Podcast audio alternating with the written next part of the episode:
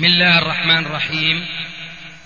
الحمد لله والصلاة والسلام على رسول الله أما بعد. فهذا أحد أشرطة سلسلة الهدى والنور من الدروس العلمية والفتاوى الشرعية لشيخنا المحدث العلامة محمد ناصر الدين الألباني حفظه الله ونفع به الجميع. قام بتسجيلها والتأليف بينها محمد بن أحمد أبو ليلى الأثري. إخوة الإيمان والآن مع الشريط التاسع والثمانين بعد ثلاثمائة على واحد. فقد لاحظت أن تنبيهنا هذا بالحديث المذكور قد ذهب أدراج الرياح وكأن هناك لم يكن شيئا مذكورا من هذا الحديث. فقد سبقتموني بآمين.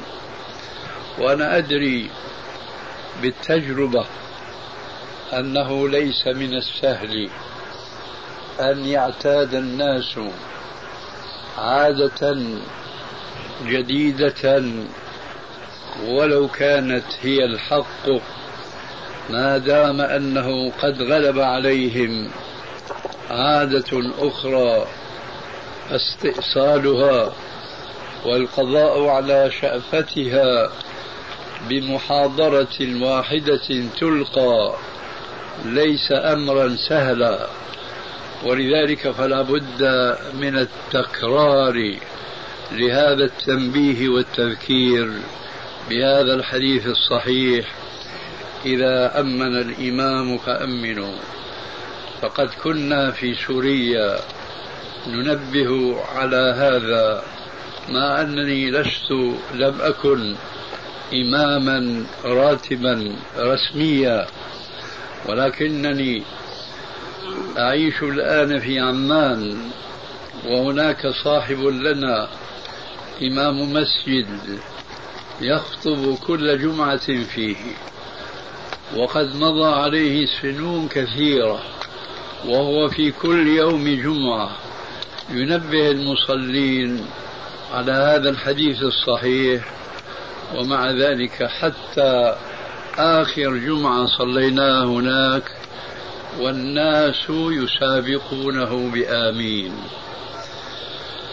والحقيقة أن هذه الجزئية البسيطة السهلة التي لا تكلف كل فرد من المصلين جهدا كثيرا سوى استحضار واستجماع عقله وفكره وراء إمامه وما يتلوه من كتاب ربه. مع ذلك ظل هذا الإمام يتابع أصحابه وأتباعه والمقتدين به بهذا التذكير وحتى اليوم لما يستطع أن يستقيم بهم على الجادة. الأمر الذي يذكرنا بالمعجزة العظمى التي امتاز بها نبينا صلوات الله وسلامه عليه حيث بدعوته الطاهرة النقية. ومن الضلال إلى الهدى ومن الظلمات إلى النور. وقد كانوا كما تعلمون جميعا في ضلال مبين وفي جاهلية جهلاء. فهنا نتصور كم كان جهد النبي صلى الله عليه وآله وسلم في إخراج أولئك العرب مما كانوا فيه من الضلال إلى الهدى. بينما نحن نستمر أسابيع وشهورا وسنين لتعويد الناس على عادة سهلة سمحة ومع ذلك لا ننجح في ذلك وما هو السبب؟ السبب أن طبايع الناس اليوم على رغم كونهم مسلمين ليسوا كالعرب الأولين على رغم كونهم من المشركين الضالين. فلا جرم أن الله تبارك وتعالى اصطفى رسالته وخص بها نبيه محمدا صلى الله عليه وآله وسلم من جهة ومن جهة أخرى اصطفى أمة العرب الأولين أن يكونوا حملة هذه الرسالة المباركة الطيبة إلى العالمين. أما العرب اليوم فمع الأسف الشديد أقول إنهم ليسوا على أخلاق الأولين ولا على أطباعهم من الاهتمام بالأمر الذي يوجه إليهم والهدى الذي يقرب إليهم فإننا في تجارب كثيرة وكثيرة جدا وأبسطها وأقربها هذه المسألة البسيطة. كلكم عرب وكلكم يفهم قول النبي صلى الله عليه وآله وسلم إذا أمن الإمام فأمنوا. ولو فرض أن هناك أن هناك عربي قد استعجم. فقد شرح هذا الحديث على قولين للعلماء. كلاهما يستلزم أن يتأخر المقتدي بالتأمين عن الإمام على الأقل بألف آمين وعلى الأكثر بسكون نون آمين فيبدأ المقتدي بآمين. هذا شرح في الأمس القريب ومع ذلك ذهب نسيا منسيا. لماذا؟ لأن أذهاننا وعاداتنا رانت علينا فمن الصعب جدا أن نحيد عنها إلا بالملاحقة وبالمتابعة والتذكير. فإذا ما ذكرناكم فعليكم أن تتحملون لأن الذكرى تنفع المؤمنين وهذا ما أردت التذكير به. بهذه المناسبة ونسأل الله عز وجل أن يلهمنا رشدنا وأن يوفقنا لاتباع سنة نبينا صلى الله عليه وآله وسلم وأن يلهمنا العمل بقوله صلى الله عليه وآله وسلم صلوا كما رأيتموني أصلي. كذلك بالحديث الذي هو وقت هذه الساعة التي نحن محرمون وحجاج حيث قال عليه الصلاة والسلام خذوا عني مناسككم فإني لا أدري لعلي لا ألقاكم بعد عامي هذا. ونحن اليوم قد أصبحنا في يوم عرفة وعما قليل سننطلق ملبين مهللين إلى عرفة وذلك يكون اقتداء بالنبي صلى الله عليه وسلم بعد طلوع فجر هذا اليوم ننطلق إن شاء الله إلى عرفة وقبل الصعود إليها نصلي الظهر والعصر جمع تقديم في مسجد نمرة. ذلك لمن تيسر له الصلاة. مع الإمام في هذا المسجد أو فيما حوله. لأن الحجاج والحمد لله جمع غفير جدا فقد لا يتمكنون كلهم وجميعهم من أن يصلوا صلاة واحدة مع إمام واحد. هذا هو الأصل أن يصلوا معه. فإن فاتهم ذلك فيصلون جماعات في منازلهم في خيامهم. بعد ذلك أعني بعد دخول وقت الظهر وصلاتها جمع تقديم مع العصر السنة أن يبدأ الناس في الصعود إلى عرفة. والوقوف عليها. وقد وقف النبي صلى الله عليه وآله وسلم في حجة الوداع عند الصخرة. ولكنه قد بين للناس أن وقوفه ذاك ليس ملزما للناس جميعا به. وأن يتحروا الوقوف موقفه وذلك بقوله صلى الله عليه وآله وسلم وقفت ها هنا وعرف كلها موقف. ولذلك فلا ينبغي للحجاج أن يتكلفوا الوقوف هناك فإن الدين يسر ومن يشاد هذا الدين يغلبه. يقف الحاج في أي مكان يتيسر له من عرفة ولكن عليه أن يتحرى أن يكون موقفه داخل عرفة وألا يقع هذا الموقف خارجها كما يبلغنا أحيانا عن بعض الحجاج وهناك لافتات مكتوب عليها حدود عرفة ولذلك على كل حاج أن يلاحظها إن كان قارئا وإلا فالأمر كما قال تعالى فاسألوا أهل الذكر إن كنتم لا تعلمون فبعض الناس قد لا يقرؤون وبخاصة بعض النساء فعلى هؤلاء جميعا أن يقوموا بواجب السؤال حتى لا يقعوا في الوقوف خارج عرفة. فإن فعلوا ذلك فقد ذهبت حجتهم أدراج الرياح لقوله عليه الصلاة والسلام الحج عرفة.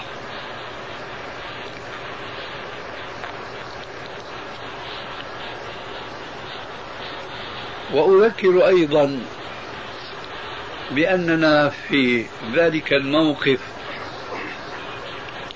لا ينبغي أن نضيع وقتنا هناك بشيء من الحديث الدنيوي أو المناقشات في بعض المسائل العلمية أو في المزح والضحك فإنها ساعة قلما تعوض وعلينا أن نستقبل القبلة. ومن كان قادرا أن يظل قائما مستقبل القبلة يذكر الله تبارك وتعالى ويدعو متذللا متخشعا لله عز وجل. هكذا حتى يرى الشمس قد غربت عن شماله. إن من الحكمة أو من حكمة جمع النبي صلى الله عليه وآله وسلم بين الصلاتين الظهر والعصر هو تفريغ هذا الحاج ليتوجه إلى الله تبارك وتعالى بطلباتهم ورغباتهم وأدعيتهم. يهتبلونها فرصة يتوجهون فيها إلى الله عز وجل بقلوبهم والتلبية هناك آه، واردة أو مستمرة. لبيك اللهم لبيك وقد صح أن النبي صلى الله عليه وآله وسلم قال في تلبيته هذه أحيانا إنما العيش عيش الآخرة. لبيك اللهم لبيك إنما العيش عيش الآخرة.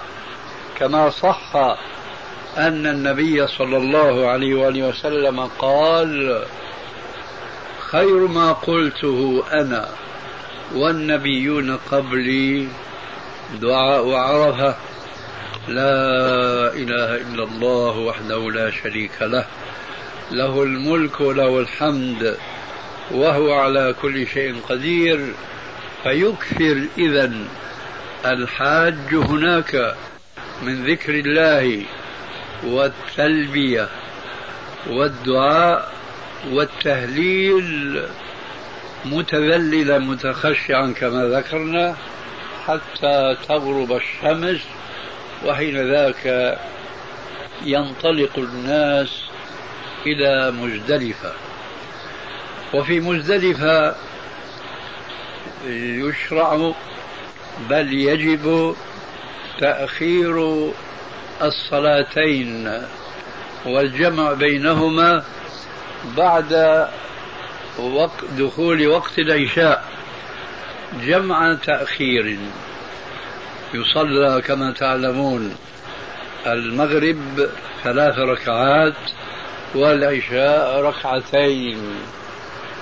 ثم لا سهر ولا سمر ولا جلسات علمية ولا شيء وإنما النوم مبكرا.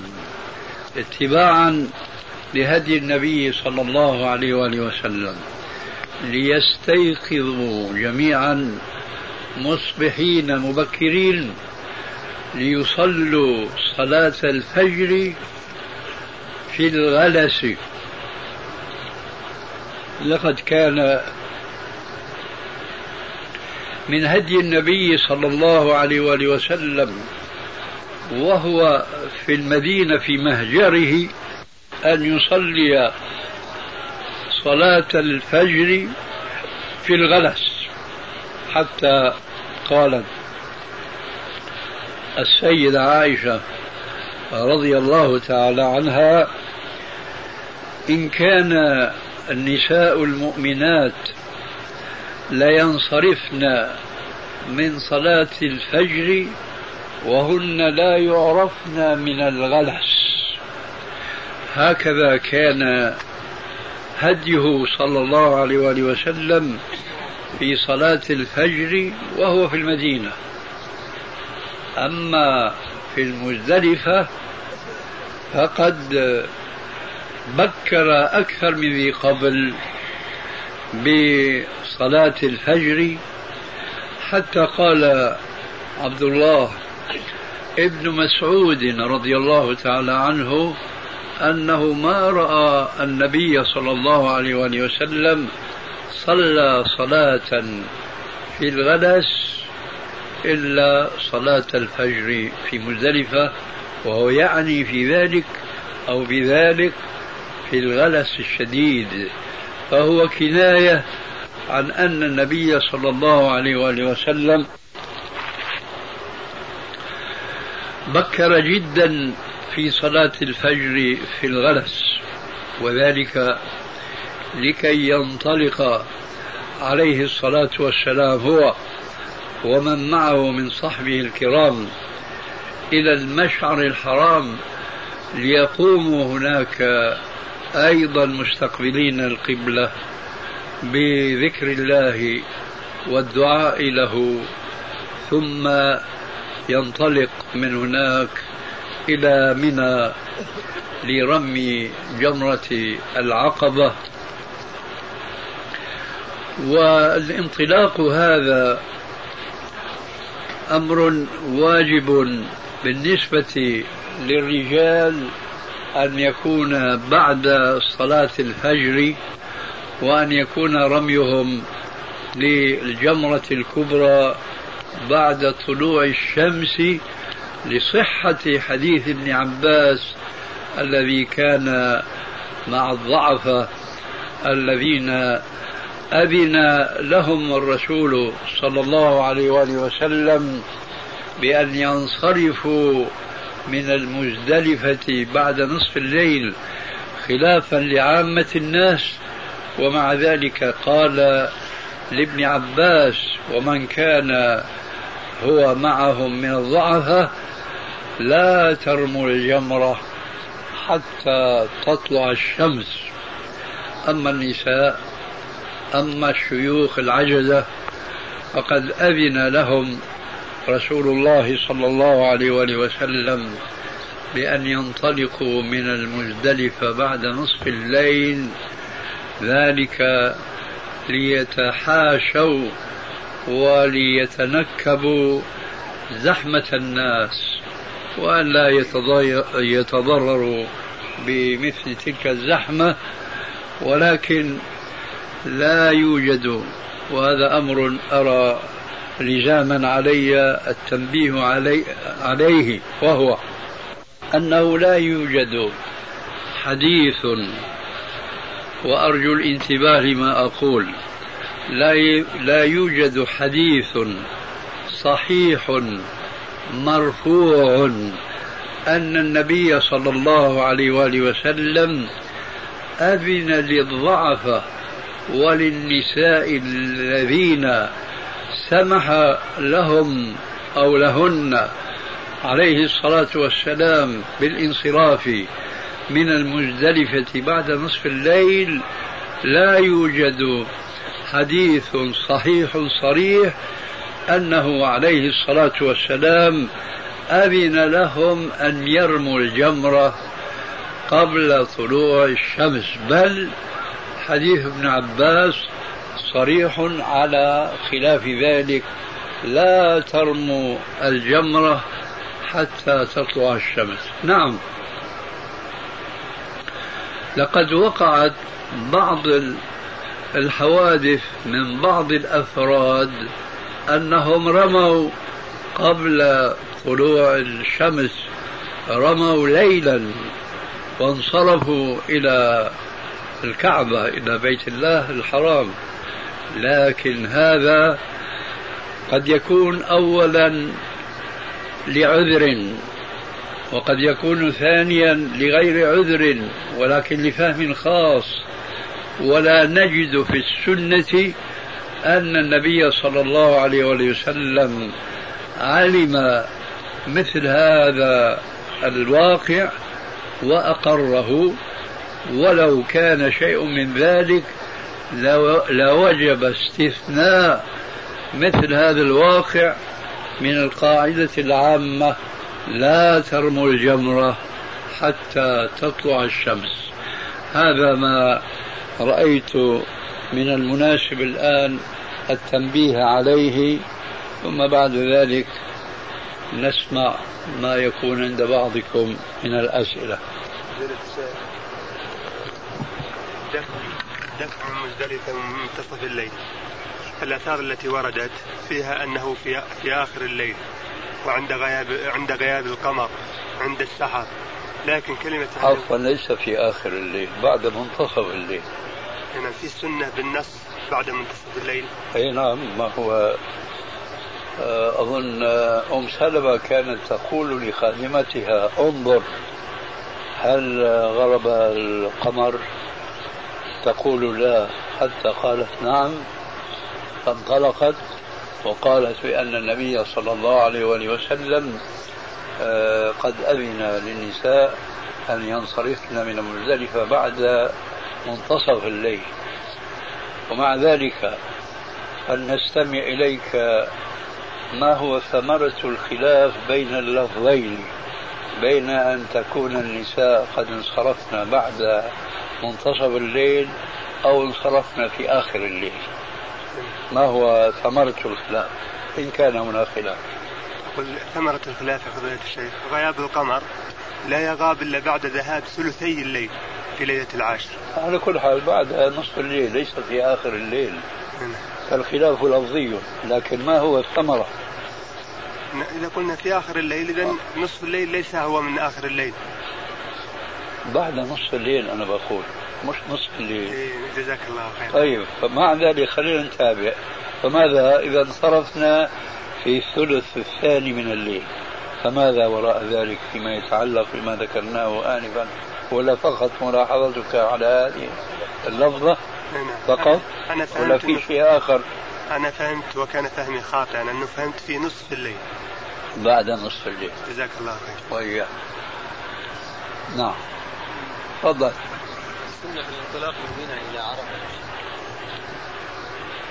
الانطلاق من منى إلى عرفة. بعد تطلع الشمس أو قبل طلوع الشمس؟ لا بعد طلوع الشمس. نعم خذوا حريتكم لأنه أبو إسحاق ليس بجانبي في هذه الساعة. ها؟ هي علي. آه في عندك سؤال. ورد سؤال من بعض الإخوة. يقول ما هو الشيء الذي إذا فعله الحاج تحلل التحلل الأول مع ذكر الدليل؟ وهل هناك أصل لما يذكره بعض الفقهاء من أنه يجب عليه أن يفعل شيئين قبل حتى يتحلل. ليس هناك دليل ملزم في السنة بأن الحاج عليه أن يجمع بين نسكين بين النحر مثلا والرمي أو لنقل بين الرمي والنحر. أو بين الرمي والحلق بل الحديث الصحيح عن النبي صلى الله عليه وآله وسلم إذا رميتم الجمرة جمرة العقبة فقد حل لكم كل شيء إلا النساء. من هذا الحديث وأمثاله يذهب العلماء إلى أن تحلل الحاج يكون على مرحلتين. المرحلة الأولى يسمونه الحل الأصغر وهو هذا إذا رمى الجمرة جمرة العقبة فقد سمعتم قوله عليه السلام في الحديث فقد حل له كل شيء إلا النساء. أما الحل الأكبر ويعني بذلك أن تحل زوجته زوجة الرجل فإنما ذلك بعد أن يطوف طواف الإفاضة. فإذا طاف طواف الإفاضة فقد تحلل الحل الأكبر. أما اشتراط ضم شيء من النسك إلى آه، الرمي فهذا ليس هناك في السنة ما يعتبر شرطا. قد يقع ذلك وإن كان قد جاء حديث في الصحيح عن عائشة رضي الله تعالى عنها أنها طيبت النبي صلى الله عليه وآله وسلم لحله بعد رميه لجمرة العقبة. لكن قد جاء في بعض الروايات أنه كان التطيب أيضا بعد ليس بعد الرمي فقط بل وبعد الحلق أو النحر. لا أذكر الآن على الضبط. المهم أن هذا البعض من الروايات إن وقع من النبي صلى الله عليه وآله وسلم مع الرمي فذلك لا يدل على أنه شرط أن يضم إلى الرمي إما النحر وإنما أو الحلق وإنما هو أمر جائز. لكن قوله صلى الله عليه وآله وسلم بيانا للأمة متى يحل للحاج الحل الأصغر؟ واضح جدا لا يقبل التأويل. إذا رميتم الجمرة الكبرى فقد حل لكم كل شيء إلا النساء. فلا بأس إذا رمى ثم نحر ثم حلق أو قدم وأخر في هذه الأشياء. فلا حرج في ذلك كما جاء في أحاديث كثيرة. فانضمام الشيء إلى إلى الرمي لا يخل بهذا القيد الذي ذكره الرسول عليه السلام كأمر أساسي ليتحلل الإنسان من إحرامه. فإذا إذا رمى الجمرة يكفي ليتحلل. فإذا تاب ولم يتحلل تابع الحلقة تابع النحرة فلا بأس من ذلك. ولكن المهم أن التحلل الذي أصله حرام لا يجوز لأنه محرم إنما يجوز. فقد حل لكم كل شيء إلا النساء. فلا بأس إذا رمى ثم نحر ثم حلق أو قدم وأخر في هذه الأشياء. فلا حرج في ذلك كما جاء في أحاديث كثيرة فانضمام الشيء إذا إلى الرمي لا يخل بهذا القيد الذي ذكره الرسول عليه السلام كأمر أساسي ليتحلل الإنسان من إحرامه. فإذا إذا رمى الجمرة يكفي ليتحلل. فإذا تاب ولم يتحلل تابع الحلقة تابع النحرة فلا بأس من ذلك. ولكن المهم أن التحلل الذي أصله حرام لا يجوز لأنه محرم إنما يجوز له ذلك إذا رمى جمرة العقبة. لعلي أجبت عن السؤال. يذكرون حديثا يذكرون حديثا في قضية آه الإتيان بنسكين قبل التحلل فما مدى صحته؟ لا يصح هذا فيه الحجاج بن أرطاة ولا يحتج به. نعم. نعم. متى الوقت طواف الإفاضة بعد الرمي.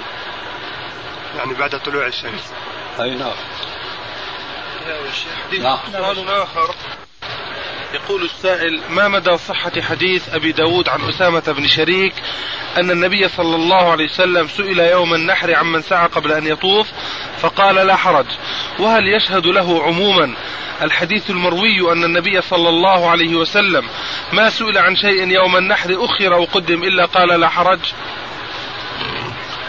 أما حديث أسامة بن شريك الذي رواه أبو داود في السنن وغيره كالإمام أحمد في المسند فإسناده صحيح. أما الشهادة برواية ما سئل عن شيء إلا قال لا حرج فلا يد ولا لا يشهد له لأن العبارة لم تصدر من الرسول عليه السلام وإنما من الراوي. والراوي لم يذكر لنا في حديثه وهو غير حديث أسامة بلا شك أنه كان من جملة الأسئلة هذا السؤال الذي جاء في حديث أسامة. فلا يصح أن يعتبر شاهدا إلا لو جاء ذكر السعي في ذلك الحديث ولم يأتي ولم يأرد فإذا هو حديث فرد صحيح تقوم به الحجة. نعم. كيف يجاب عن دلالة مفهوم المخالفة؟ كيف يجاب عن دلالة مفهوم المخالفة في قوله صلى الله عليه وسلم فيما رواه الدار قطني وهو حديث صحيح من أكل أو شرب ناسيا فلا قضاء عليه ولا كفارة. ما هو مفهوم المخالفة الذي تعنيه؟ أن من أكل أو شرب هذا المنطوق الحديث لكن نعم. ماذا تعني بالمفهوم؟ أي متعمدا فيكون عليه القضاء والكفارة كما هو ظاهر الحديث. آه هذا المفهوم يعني. نعم.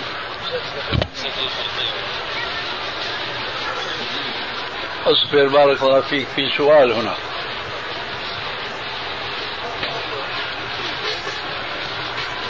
اولا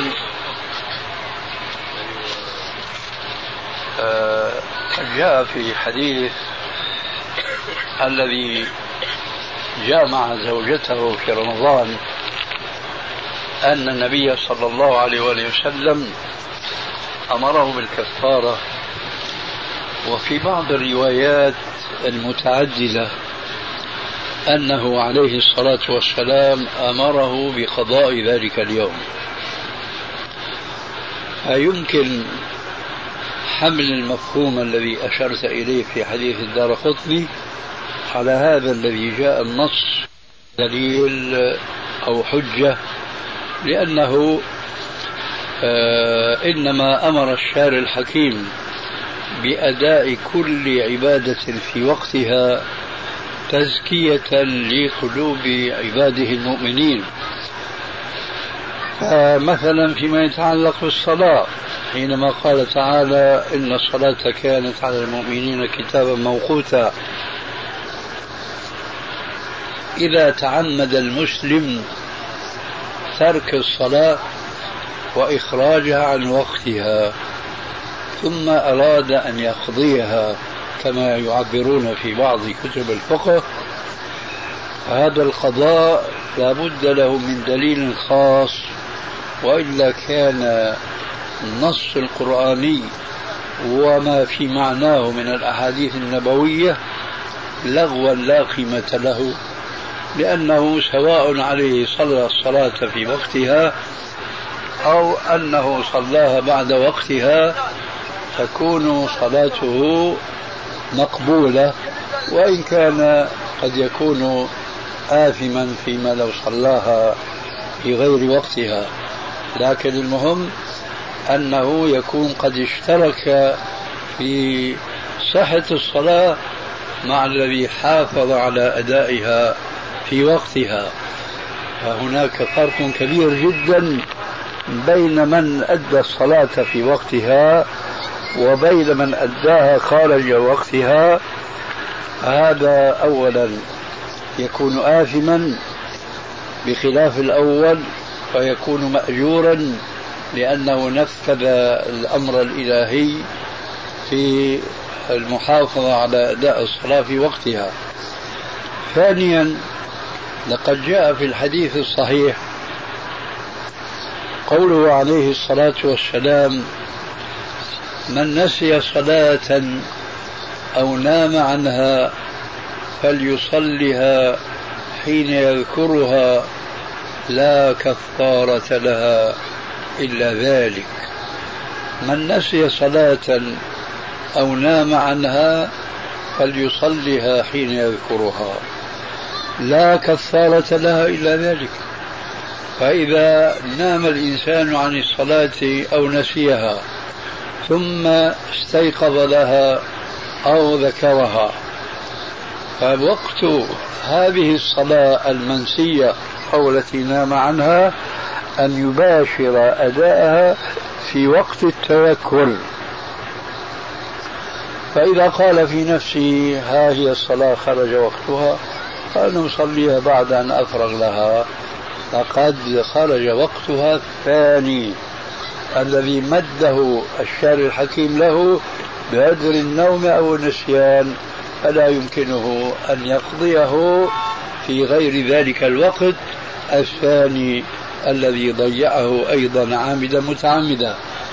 إذا عرفنا ذلك يتبين لنا أن توقيت المواقيت ليس بالأمر العبث الذي للإنسان فيه الخيارة أن يحافظ عليه أو أن يدعه فلا يستويان مثلا أبدا. فمن أدى العبادة في وقتها المؤقت فلا شك أن صلاة أن عبادته تكون صحيحة وذلك بشرط أن تتوفر فيها بقية الشروط والأركان.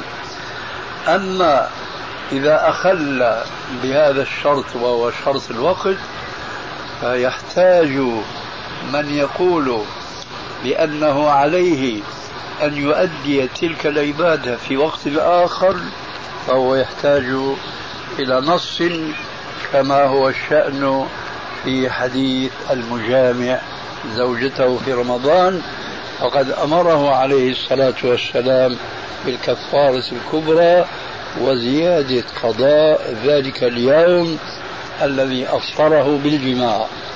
وليس عندنا نص يأمر كل مفطر متعمد كالذي جامع أن عليه القضاء. فحينئذ نقول إن مفهوم لفظة متعمدا في حديث الدار قطني دلالته محدودة فيما يتعلق بحديث الذي أفطر بالجماع في رمضان والمفهوم الباقي فليس له يعني أثر أو اعتدال. نعم. بالنسبة لزحمة الناس. بالنسبة؟ بالنسبة للزحمة الحاصلة الآن كثرة المسلمين إن شاء الله فهل يجوز أن نقدم الطواف؟ طواف الإفاضة على الرجم. وهل يجوز أن نخر الرجم إلى الغروب مثلا أو العصر؟ بارك الله فيك جزاك الله خير. تفضل استريح الذي يفهمه من الأحاديث الكثيرة التي جاءت جوابا من النبي صلى الله عليه وآله وسلم عن الأسئلة المختلفة في التقديم والتأخير حيث كان عليه الصلاة والسلام يقول لا حرج. حلق قبل أن يرمي قال لا حرج. سمعتم حديث أسامة بن شريك آنفا. بأنه سعى قبل أن يطوف فقال لا حرج. ردد هذه الكلمة مرارا وتكرارا حتى قال الراوي أننا, أننا ظننا أنه ما سئل عن شيء قدم وأخر إلا وقال لا حرج. الذي أفهمه من جوابه عليه السلام عن هذه الأسئلة ليس هو أن يصبح الحج فوضى لا نظام له فيحج الإنسان كيفما شاء وكيفما اتفق. لا الأصل في ذلك إنما هو حجة النبي صلى الله عليه وآله وسلم التي قال فيها ما ذكرته من قوله صلى الله عليه وسلم آنفا خذوا عني مناسككم فإني لا أدري لعلي لا إيش ألقاكم بعد عامي هذا. فالأصل إذا أن نرتب المناسك كما فعل النبي صلى الله عليه وآله وسلم. ولكن إذا شعر الحاج وهذا يختلف من إنسان إلى آخر من شاب إلى كهل إلى شيخ من رجل إلى امرأة من رجل مريض إلى رجل سليم من امرأة حامل إلى امرأة حامل وهكذا تختلف هذه الأمور بالنسبة للأفراد. وباختلاف ذلك يختلف الحرج. فقد يوجد حرج ما لإنسان ما لا يوجد مثل هذا الحرج لغيره.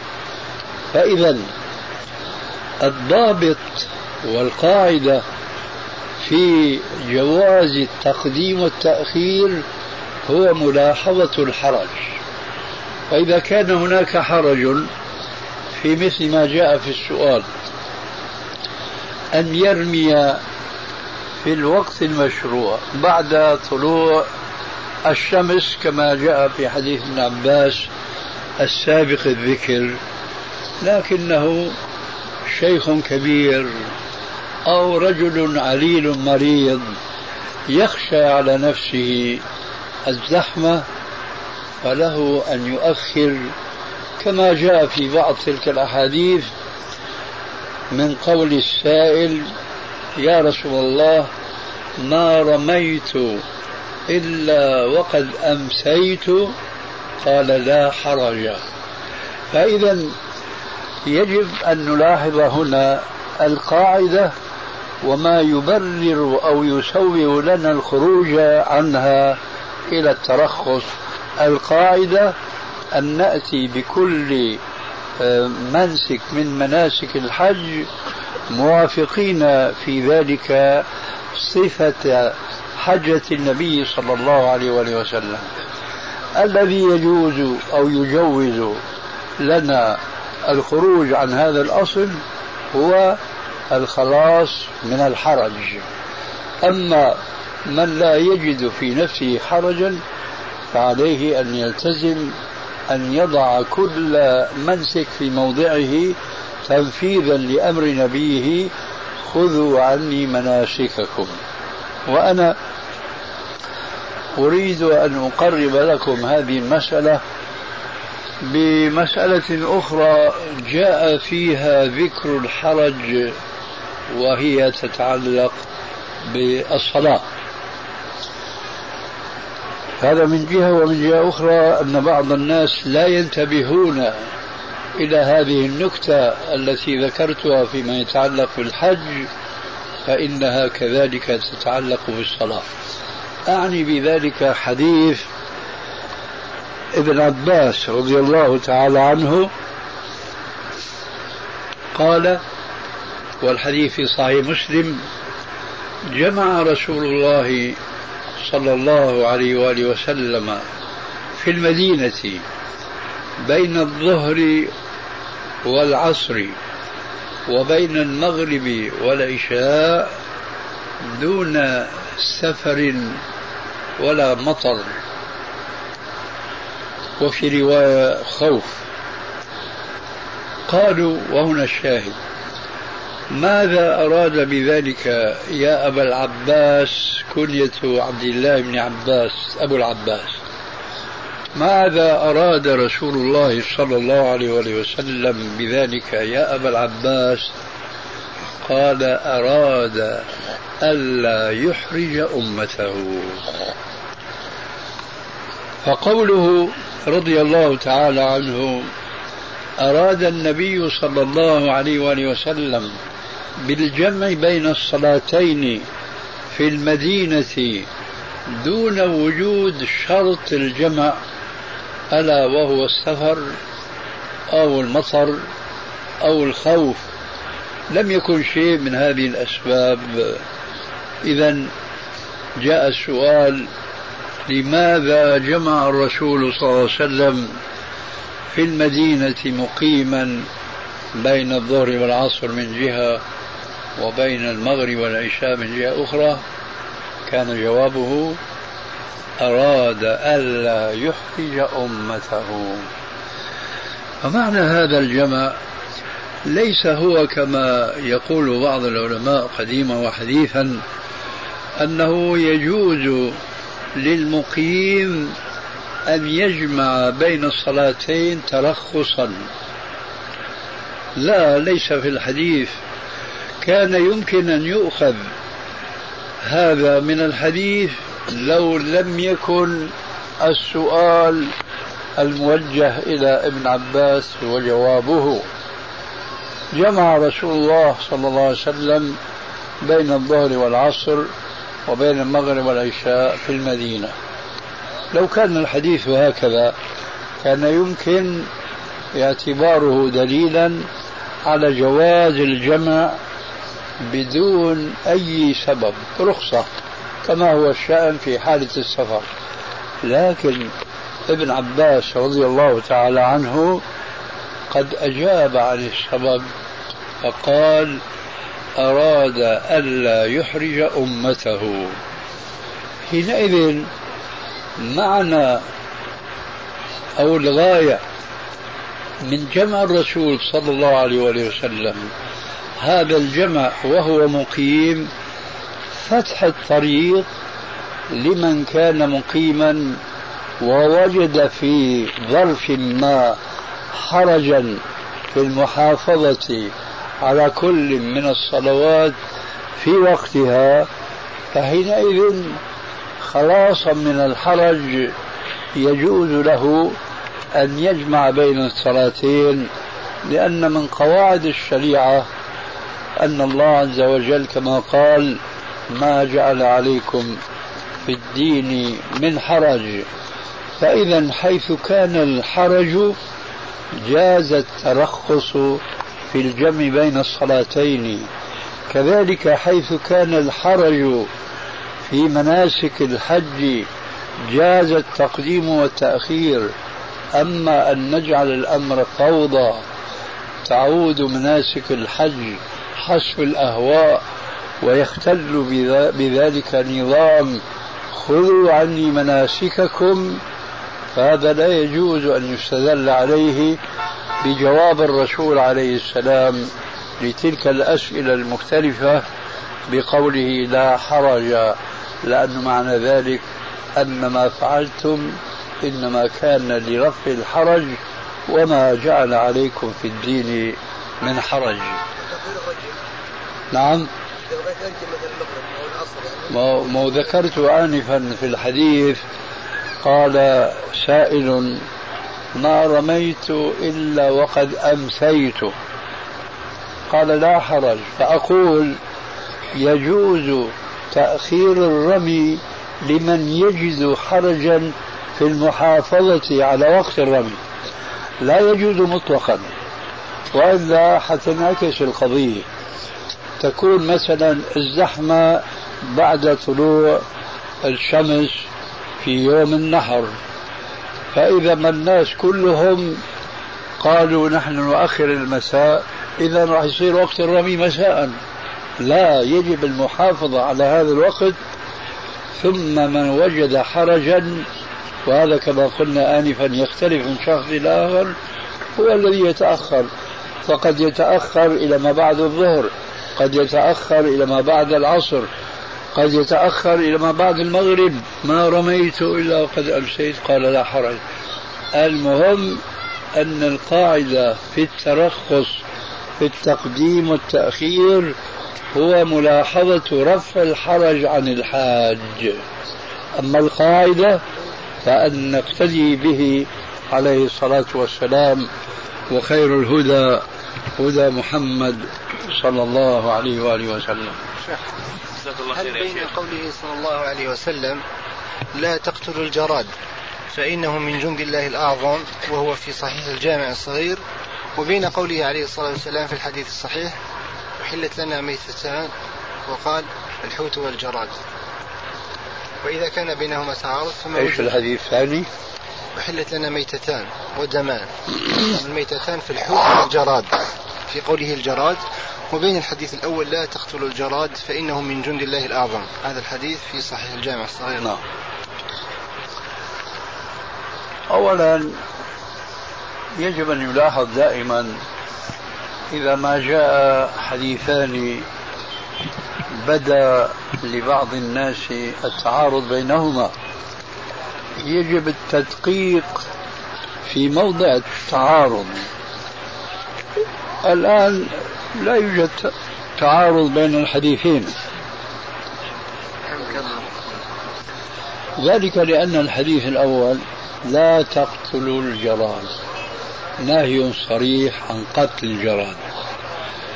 الحديث الثاني أحلت لنا ميتتان ودمان. الحوت والجراد. هنا ليس فيه ذكر اقتلوا الجراد حتى يقال كيف التوفيق بين لا تقتلوا وبين اقتلوا. إذا لا تعارض. أنا أقول هذا كخطوة أولى في سبيل دفع التعارض الموهوم. لا تقتلوا الجراد لا يعارضه قوله أحل لكم أكل الجراد. فقد يكون أكل الجراد على نحو أكل السمك الميت دون أن يقتل دون أن يصطاد. حينئذ لا تعارض بين هذين الحديثين لأن الأول فيه التصريح بعدم قتل الجراد والثاني فيه إباحة أكل الجراد ولكن ليس فيه التصريح بقوله عليه السلام اقتلوا الجراد وكلوه. زال التعارض ولكن يبقى هناك سؤال ليس كالسؤال السابق وهو إزالة التعارض بين الحديثين فإنه لا تعارض. السؤال الذي يطرح نفسه كما يقولون اليوم هو ألا يجوز قتل الجراد؟